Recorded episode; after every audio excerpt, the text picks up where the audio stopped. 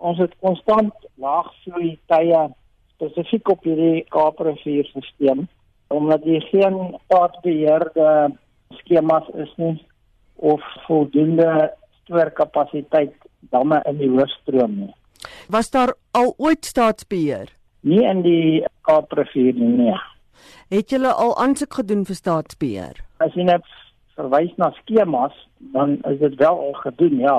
En hoekom is dit afgekeur?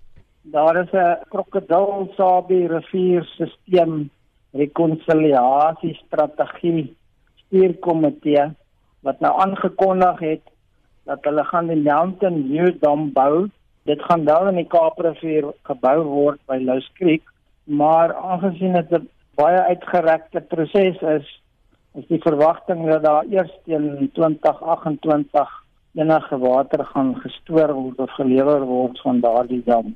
Daar is al van die 1960s af en die destydse departement van waterwese al begin met beplanning en die ontwerp, maar dit is net nooit deurgevoer nie.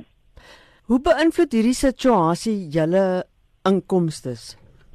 In terme van besproeiingsboerdery met suikerriet, elke 100 mm wat jy toedien, behoort jy 10 ton suikerriet te kan produseer. So ons het net geallokeer 7000 kubieke meter per hektaar per jaar en die laaste 3 jaar kon ons maar slegs ongeveer 50% van daai allocasie onttrek.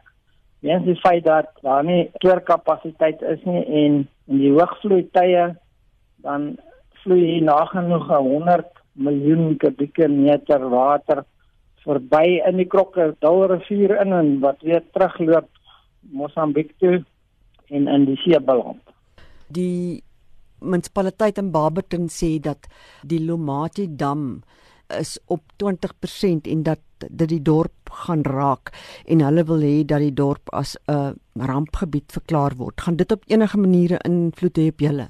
Die dam weet ons is op 'n baie lae vlak op die stadium, maar hulle het ook uh, onttrekkings uit die Suid-Kaap rivier met 'n suiweringsaanleg in die Rimmerskriek en dan is daar 'n ander bron in die Noord-Kaap suiweringsaanleg op die Queensrivier, maar dit is blykbaar nie voldoende om die dorp te kan voorsien nie. Vir primêre verbruik sal hulle net meer sal moet onttrek uit spesifiek die Queensrivier uit.